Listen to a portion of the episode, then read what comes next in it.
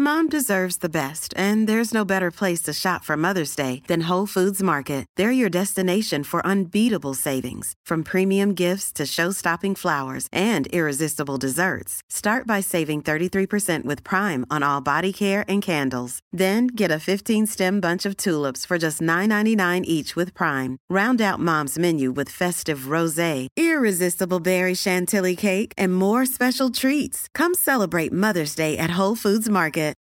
Since 2013, Bombas has donated over 100 million socks, underwear, and t-shirts to those facing homelessness. If we counted those on air, this ad would last over 1,157 days. But if we counted the time it takes to make a donation possible, it would take just a few clicks. Because every time you make a purchase, Bombas donates an item to someone who needs it. Go to bombas.com slash ACAST and use code ACAST for 20% off your first purchase. That's bombas.com slash ACAST, code ACAST. You should celebrate yourself every day, but some days you should celebrate with jewelry. Whether you want to commemorate an unforgettable moment or just bring some added sparkle to your collection, Blue Nile can offer you expert guidance and a wide assortment of jewelry of the highest quality at the best price. Go to BlueNile.com today and experience the ease and convenience of shopping Blue Nile, the original online jeweler since 1999. That's BlueNile.com. BlueNile.com. Tuffa ekonomiska tider kan sätta en i riktigt tuffa situationer, som i skulder. Men det går att ta sig ur och att bygga en stabil grund för ett tryggare liv. Och hur man gör det får du veta i veckans Smarta Cash, podden som peppar till en bättre ekonomi och rikare framtid med mig, Isabella Amadi.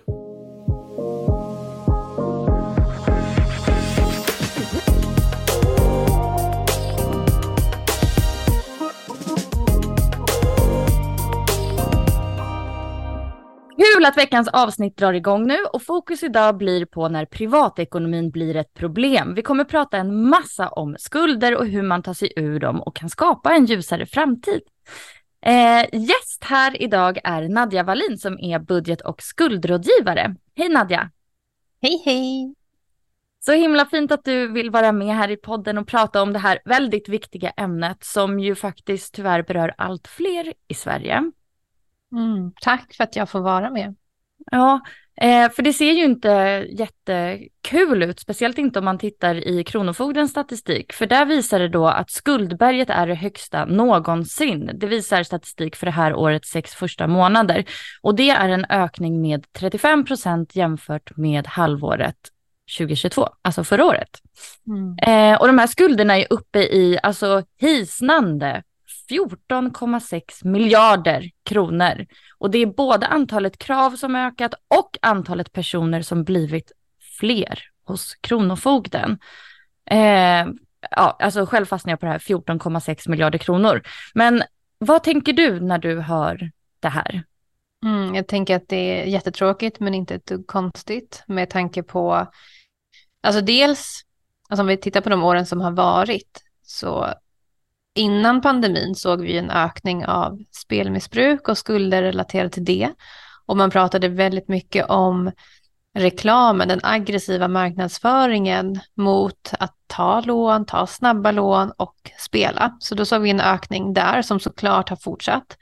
Och sen kom pandemin, vilket innebar att väldigt många blev av med sina jobb.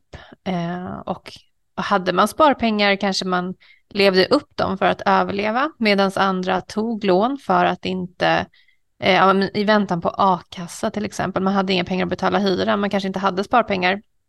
Så man tog lån för att överleva och lyckades hålla liksom det uppe ett tag genom att ta lån som täckte lånen för att ta lån som täckte lånen tills den här bubblan sprack och man hamnade hos fogden. Och sen har vi haft inflationen och räntehöjningar. Eh, så att har man liksom, många har ju ändå haft en god ekonomi med marginaler som man har tänkt att men det här klarar vi några år tills det här och det här är avbetalt.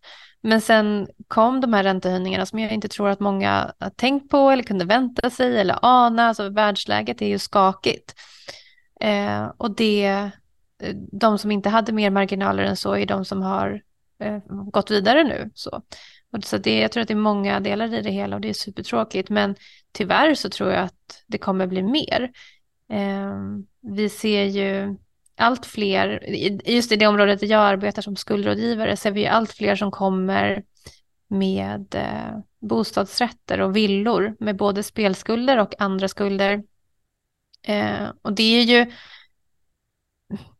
man tänker sig i alla fall om man ska generalisera, att det är ju människor som har ett annat kapital än människor med hyresrätter. Och det är de vi har träffat innan, eh, hyresrätterna. Så att nu är det fler, liksom, fler med tillgångar som förlorar dem och fler barnfamiljer som drabbas ännu hårdare.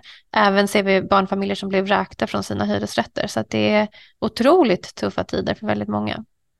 Och det kan gå ganska snabbt eller att hamna i en sån här fälla. För att när man får en skuld så är det ju inte bara eh, själva skulden man betalar utan det är ju räntan också. Mm. Ja men precis. Jag vet inte vad du tänkte nu på att, att det går fort. Ja. Att, det, äh, att jag, jo, men jag tänker så här. Man har, en, man har en skuld och sen så börjar ju då räntan ticka på den skulden. Så då måste du betala räntan på skulden. Och därefter så växer ja, skulden. Ja, du menar när det har förfallit? Ja. Ja. Mm. ja, men precis. Och då kan det ju också vara som så att man har, att man har skulder som förfaller till Kronofogden. Och så blir det utmätning på det. Men det täcker liksom bara räntorna, så att skulden minskar inte, skulden kan till och med öka. Så det är beroende på vad det är för situation som man har trasslat in sig i, så vägen ut är olika lätt och olika svår, verkligen. Men du nämnde lite det här, spelskulder är en, en, ett exempel på typ av skuld som du har stött på tidigare. Vad mer är det för typ av skulder som eh, folk brukar hamna i? Mm. Eh, tyvärr, ofta, att man har blivit lurad av någon. Alltså det kan vara romansbedrägerier eller att någon ja, investerar i något bolag och så visar sig att eh, allt var bluff och man blev av med sina pengar. Det kan också vara att man har ställt upp eh, för någon i familjen. Eh, ah, jag, blev kär i någon som hade skulder hos Kronofogden så jag tog lån för att den personen skulle komma ut ur Kronofogden och sen dumpade han eller hon mig och nu sitter jag här med det här. Eh, eller jag vill vara snäll och hjälpa min mamma som är pensionär med det här och det här och ja, nu sitter jag i det här problemet. Så väldigt mycket liksom Alltså det är så många olika livshistorier. Det kan också vara att man har blivit sjuk eller frihetsberövad, så man, inte haft, man har inte inkomster längre och kan inte sköta sina betalningar. Så att ibland behöver det inte handla om stora belopp heller, även om det sammantagna hos Kronofogden är jättestort. Men för den in, enskilda individen så behöver det inte vara stora belopp som ställer till det. Men finns inte pengarna på grund av arbetslöshet eller sjukdom eller eh, att man då sitter i fängelse, så ja, då, det finns bara en väg, alltså det är ju till, till skuldsättningen. Men sen också jättevanligt är att man hade en stabil situation och man tog något konsumtionslån och sen hände någonting och man kunde inte rädda det. Skilsmässa, dödsfall, eh, och, och räntehöjningarna. Att så här, jag, hade, jag, hade, jag trodde jag hade det bra, jag trodde jag hade det genomtänkt, men jag hade inte planerat för inflationen, jag hade inte planerat för räntehöjningarna. Eh, jag trodde så här, om sju år är jag klar med det här och då är det lugnt. Så att det, ja, det är en stor blandning alltså av olika historier. Vad, vad händer då eh, när man inte betalar sina skulder i tid? Mm. Vad är liksom processen? Ja, men precis. Om vi tänker att om vi börjar med att vi, man har en här, när blir en skuld en skuld? Men om vi tänker att man har en fordran, att man har en, ett krav mot den, du ska betala ditt gymkort som du har satt abonnemang på, eller nu har du fått en faktura som du ska betala, eller du ska betala på det här lånet som du har tagit. Och så gör man inte det, då är ju det vanligaste att man får påminnelser, men det måste man inte få, utan man har eget ansvar att ta koll på sina betalningar. Och oftast kommer påminnelsen med påminnelseavgift. Så det blir en extra 60 eller 180 kronor som man ska betala. Det går vidare till inkasso som också då påminner, som kan agera ombud eller köpa skulden. Det är lite olika vad som sker där. Och eh, min upplevelse nu är att inkasso är lite tuffare än förr. Så att förr var, var min bild i alla fall att man kunde göra en avbetalningsplan med inkasso ganska enkelt. Att man ringde dem och hej förlåt jag strulade till det, kan jag dela upp det här i två betalningar eller tre eller hur det nu ser ut. Men nu är min upplevelse att ofta så vill de att ha ganska mycket pengar först för att kunna upprätta en betalningsplan eller att skulden ska gå vidare till Kronofogden och där flera delar i den processen, man ska komma till något som heter utslag, vilket också leder till en betalningsanmärkning. Och först efter det så kan man få göra en betalningsplan med inkasso, för de vill liksom fastställa betalningsansvaret. Ehm, men så då innebär det att då har man en betalningsanmärkning och det är inte Kronofogden som utfärdar den, vilket många tror, utan det är kreditupplysningsbolagen, vilket också det finns väldigt många sådana. Um, och så kommer Kronofogden kontakta dig och säga hej hej, vi har fått in det här kravet. Eh, det kallas för delgivning. Det kan komma per post eller via eh, mina sidor på internet kan man gå in och svara på den här delgivningen på Kronofogdens hemsida. Men svarar man inte på posten eller ringer dem eller går in på mina sidor, då kan de komma och knacka på dörren eller komma till arbetet, vilket många är väldigt rädda för. Så att öppnar man posten och kollar vad som står och följer instruktionerna, då ja, slipper man oftast den obehagliga påhälsningen. Och sen när man då har svarat på det här kravet, och det handlar ju både om att skydda rättigheterna och fastställa skyldigheterna. Så att om jag vill blåsa dig till exempel, då skulle jag kunna skicka en fordran till Kronofogden och säga, ja men här, Smarta Cash är skyldig mig de här pengarna. Och om du då inte reagerar, säger någonting, jag säger så här, okej, IAD och så godkänner du det, då kan jag kräva in pengar som du egentligen inte alls är skyldig mig. Oh my god, gör inte det Nadja. Nej, jag, det, är inte, det är inte min style of business, so I won't. Men det är det här som handlar om att man, man vill liksom värna om folks rättigheter, så man ska få en chans att bestrida om det är felaktigt. Men om det då är min skuld som jag är skyldig att betala, då behöver jag liksom säga det. Ja, men det stämmer. Och då kommer Kronofogden höra av sig igen med flera papper och fråga hur min ekonomiska situation ser ut för att kunna begära utmätning på ett sätt som ändå värnar om mitt existensminimum. Och Vad är en där... utmätning? Vad sa du? Vad är en utmätning?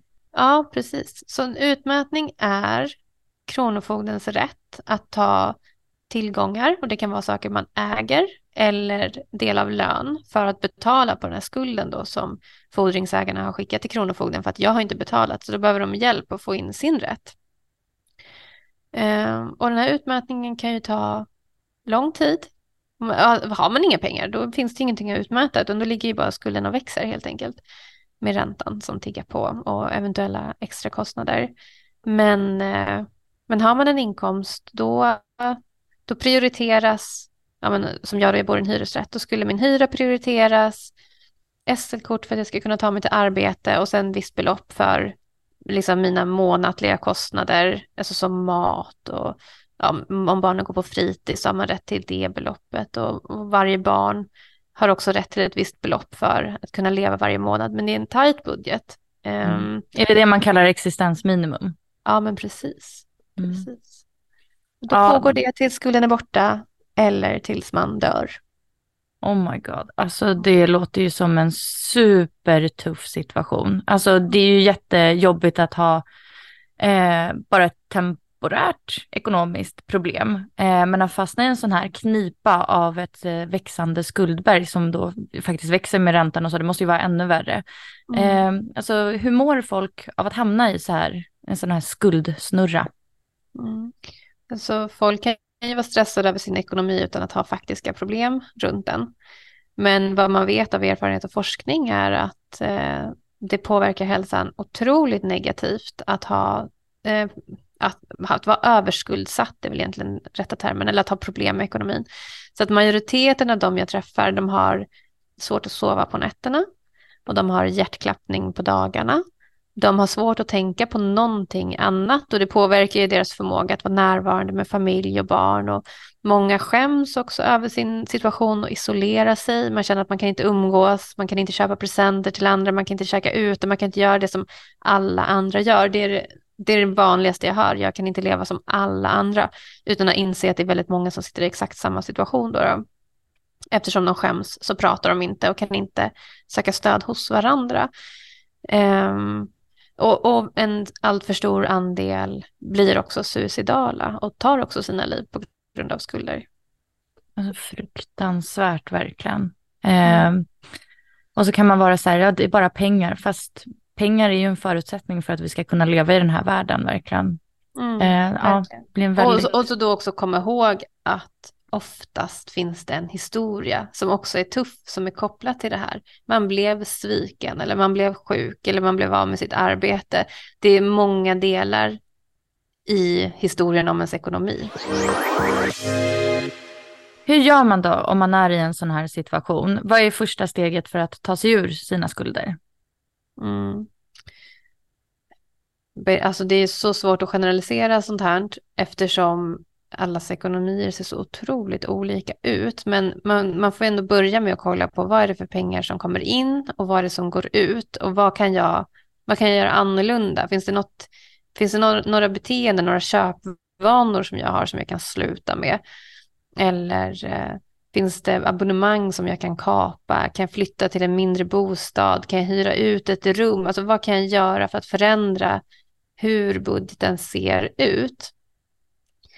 Eh, man kan också ringa till de som man är skyldig pengar och fråga om det finns någonting som man kan göra.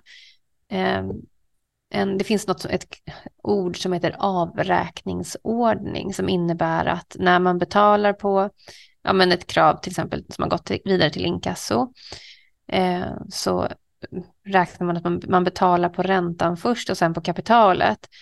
Men då kan man be om att ändra avräkningsordningen så man fokuserar på kapitalet och sen tar man ikapp räntan sist för att man ska minska betalningen lite snabbare. Så en sån grej kan man kolla. Det är inte alla som är villiga att göra det, men det finns de ibland eh, som eh, gör det, så det kan man alltid kolla. Jag tycker definitivt att man ska uppsöka sin kommunala budget och skuldrådgivare, för det ska finnas över hela landet. Sen vet jag att det varierar väldigt mycket i tillgänglighet, att kötiden är otroligt lång på vissa platser, men ändå värt att ringa och kolla om eh, man kan få hjälp. Eh, när det är väldigt långa kötider så förstår jag att de får också prioritera, precis som på akuten. Vad är, vad är värst? Vi behöver liksom prioritera barnfamiljer och framförallt ifall det finns risk för hemlöshet. Så. Eh, men det är alltid värt att ringa och ställa frågan. Man kan också kolla med någon vän eller familjemedlem som kanske är lite duktigare på det här med ekonomin eller har liksom lärt sig andra saker. Eller bara det att det är sjukt jobbigt att titta på sin egna skit, men det är lättare att stötta någon annan. Så att blanda in någon annan så att man inte sitter själv med det, det tänker jag är så himla, himla viktigt. Och se, finns det, kan jag byta el, eh, jag kallar man det, operatör eller elleverantör? Kan man byta telefonabonnemang? Alltså vad kan jag göra? Och våga, våga, våga, våga respektera varje krona, varje hundring. För det är så lätt i sådana här situationer att man tänker att det man har är för lite, så det spelar ingen roll. Men jo, allt spelar roll, så våga värdesätta det du har och de förändringar som är möjliga och våga tänka långsiktigt.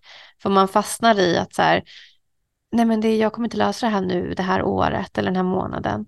Då, då skjuter man sig själv i foten, utan så här, du kommer njuta av ditt liv som skuldfri om fem år såväl som tio år såväl som om 20 år beroende på ålder såklart. Men så våga tänka långsiktigt.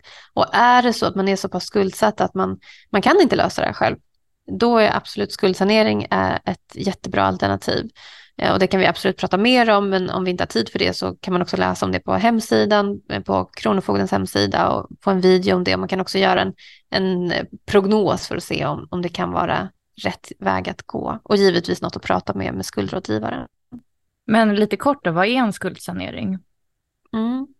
En skuldsanering är en möjlighet att få hjälp med sin situation om man inte kan bli skuldfri själv. Får man det beviljat, då innebär det att man lever på existensminimum i fem års tid och sen skrivs skulderna av. Så att om man jämför med utmätningen, så utmätningen då tar Kronofogden tillgångarna, Kronofogden tar lönen. I en skuldsanering så fastställer man en betalningsplan som man får följa. Så då får jag själv betala varje månad, utom juni och december.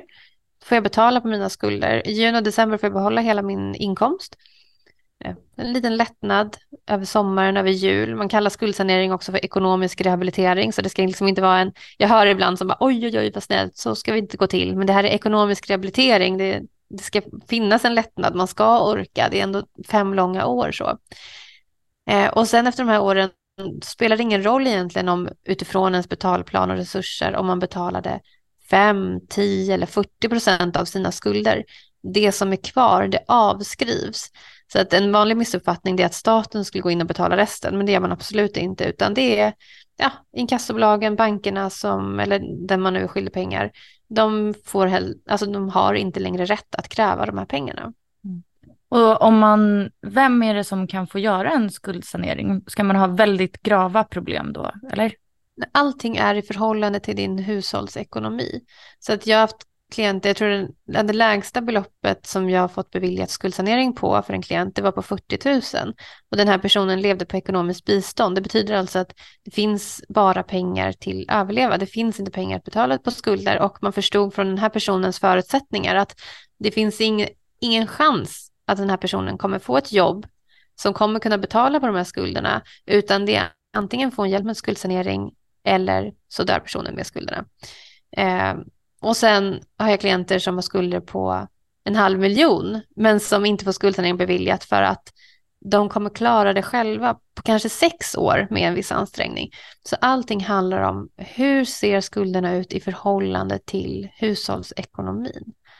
Så det är ju jättebra att veta verkligen, för man, eller jag hade en bild av att det ska vara liksom miljonskulder och liksom ett sånt omöjligt belopp typ att betala mm. tillbaka. Eh, ja. ja. alltså jag började jobba med det här 2018 och jag vet att man gjorde om lagen 2016 och att innan dess var det mycket svårare att både få igenom en skuldsanering och att sköta den. Alltså det var mycket som var krångligt. Så det är möjligt att den bilden av att det ska vara så tufft kommer från tidigare lagstiftning, för det är jättemånga som delar den med dig. Mm.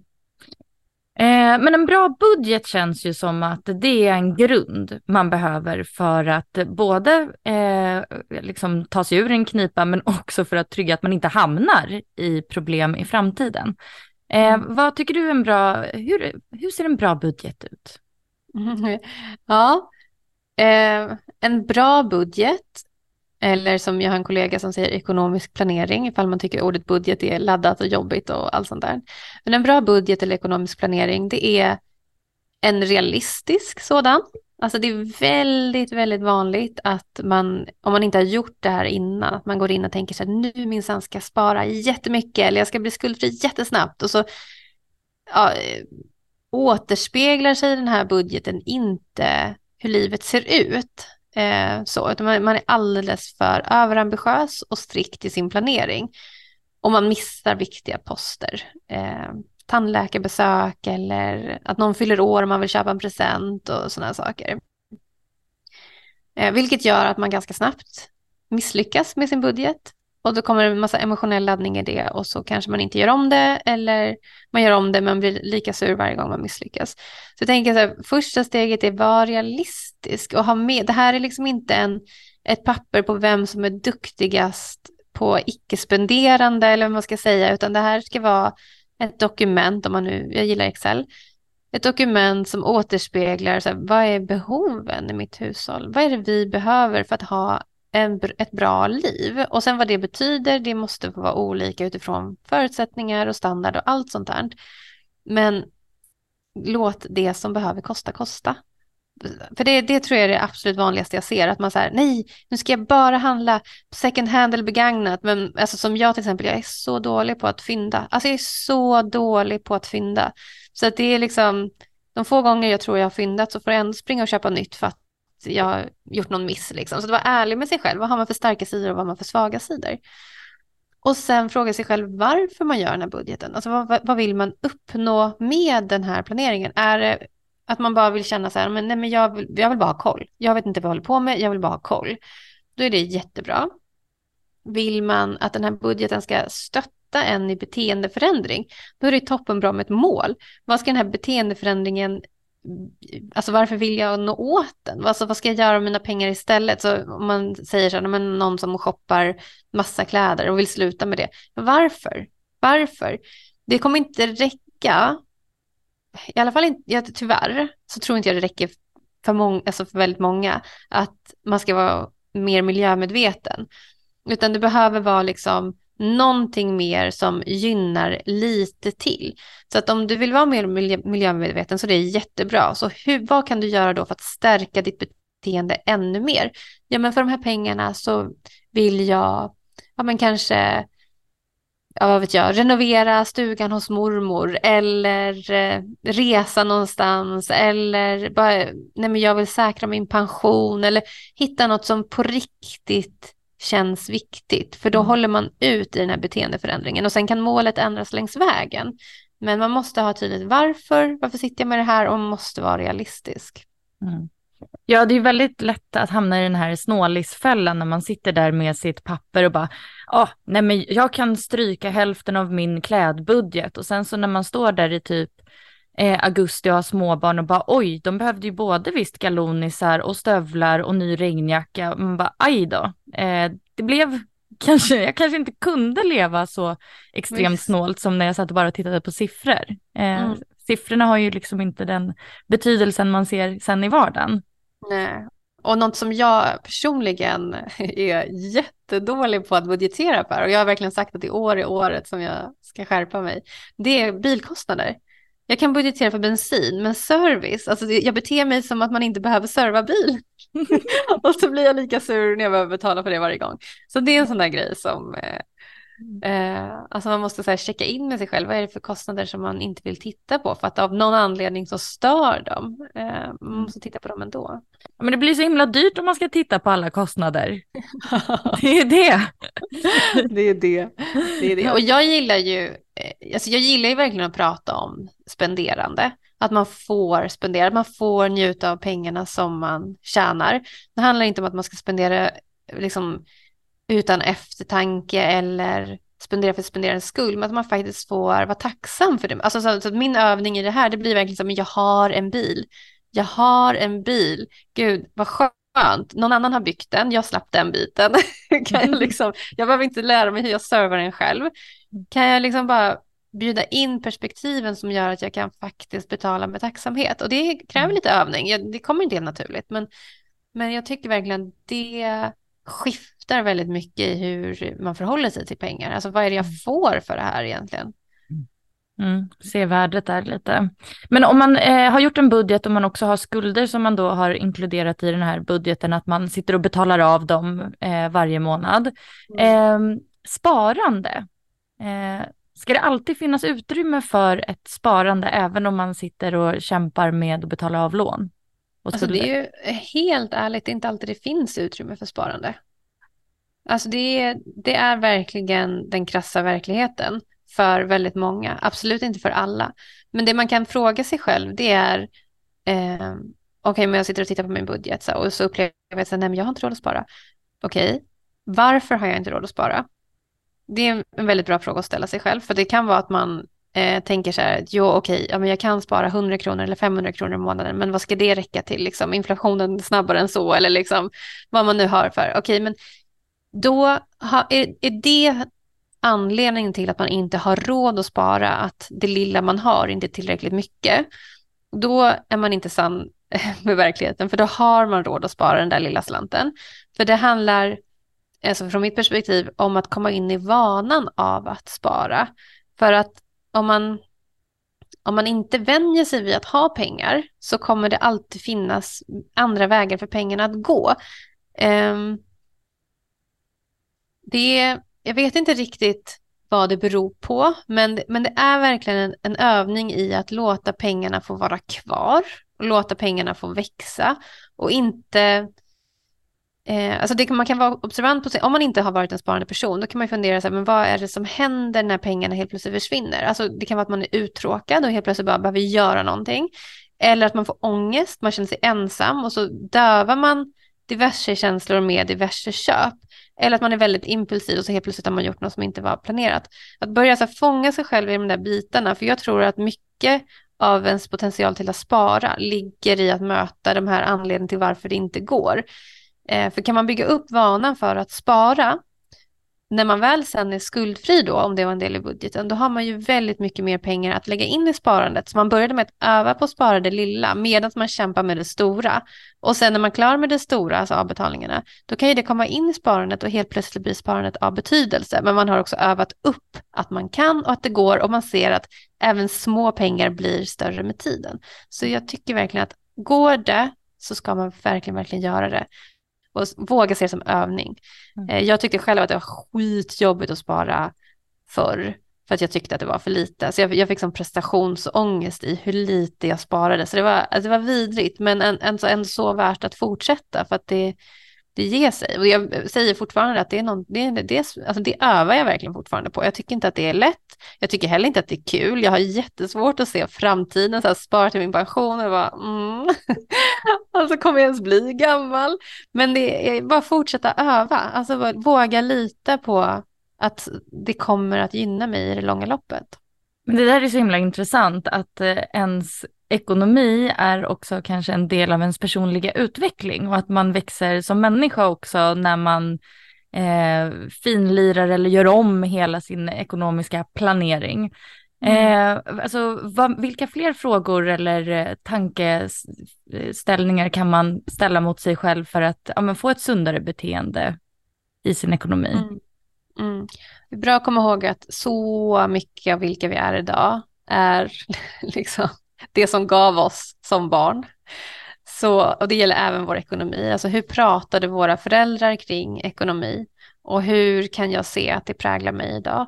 Så att om man växte upp med föräldrar som bara pratade om ekonomi när de bråkade om pengar, då är det såklart ett svårt ämne, eller såklart ska jag inte säga, men det är inte konstigt om det är ett svårt ämne att prata om idag då med sin partner. Eller man direkt känner en rädsla för att bli påhoppad eller bli dömd eller liksom sådana saker. Eh, eller pratade föräldrarna om pengar på ett sätt om hur dåliga folk var som hade mycket pengar, alltså de där rika grannarna, ah, säkert gängkriminalitet där borta eller droger eller äh, de tänker bara på sig själva eller liksom vad är det för vad är det för samtal man har haft om peng människor som har pengar? För om det har varit negativt, då finns det ju också en undermedveten föreställning om att nej men jag vill inte vara en sån som har pengar för då kommer mina föräldrar inte tycka om mig. Så att alla de här bitarna är värt att reflektera över. Vad är det som har präglat mig till den jag är idag? För kan man se det, då kan det också bli lite lättare att skapa distans från de bitarna. Alltså, Oj, vänta, är det här en reaktion från mitt barndom? Men jag behöver inte vara så nu. Jag kan ju fatta mina egna beslut och landa i mina egna värderingar. Och ibland räcker det med att bara bli medveten om något för att kunna ändra något. Och ibland behövs det lite mer emotionellt arbete. Mm. Men hur pratade föräldrarna om pengarna? Det tycker jag är superviktigt. Mm. Så många kloka tankar och ord. Tack så jättemycket Nadja för att du eh, var med här i podden. Tack så mycket för att jag fick vara här. Mm. Kan inte du berätta var man hittar dig om man vill eh, liksom höra mer och veta vad du gör och så? Mm. Ja men precis, jag pratar ju inte jättemycket om skulder och sånt i andra sammanhang, utan det är när jag blir inbjuden som skuldrådgivare, vilket eh, jag även blir ibland i P1 Ekonomiakuten. Så där kan man höra eh, flera perspektiv ur skuldrådgivarrollen. Mm. Superbra eh, podd. Den kan man lyssna ja. många avsnitt av faktiskt. Ja, de har, de har gjort det. Det är en bra produktion verkligen med många roliga olika eh, spännande gäster. Eh, men jag finns på LinkedIn där jag pratar om relationen till pengar och jag finns på eh, Instagram eh, Nadja Wallin och awake.rich som är mitt community för kvinnor med andliga perspektiv på världen som vill driva företag eller utveckla sitt företag eh, tillsammans med andra nyfikna empatiska kvinnor. Superspännande ju. Tack så jättemycket för det. Eh, och mig kan man följa på Instagram Smarta Cash Podcast. Stort tack till dig som har lyssnat på det här avsnittet. Vi hörs igen nästa vecka. Hej då!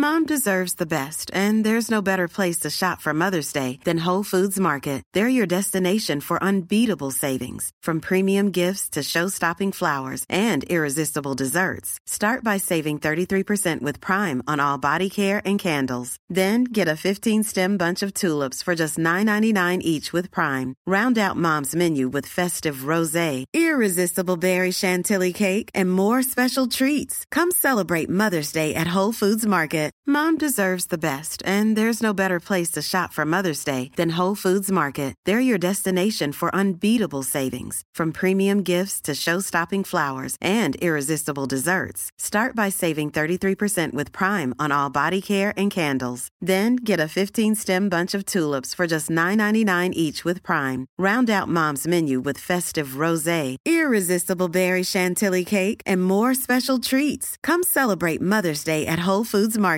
Hey, it's Paige DeSorbo from Giggly Squad. High quality fashion without the price tag. Say hello to Quince. I'm snagging high-end essentials like cozy cashmere sweaters, sleek leather jackets, fine jewelry, and so much more. With Quince being 50 to 80% less than similar brands. And they partner with factories that prioritize safe, ethical, and responsible manufacturing. I love that. Luxury quality within reach. Go to quince.com slash style to get free shipping and 365 day returns on your next order. Quince.com slash style.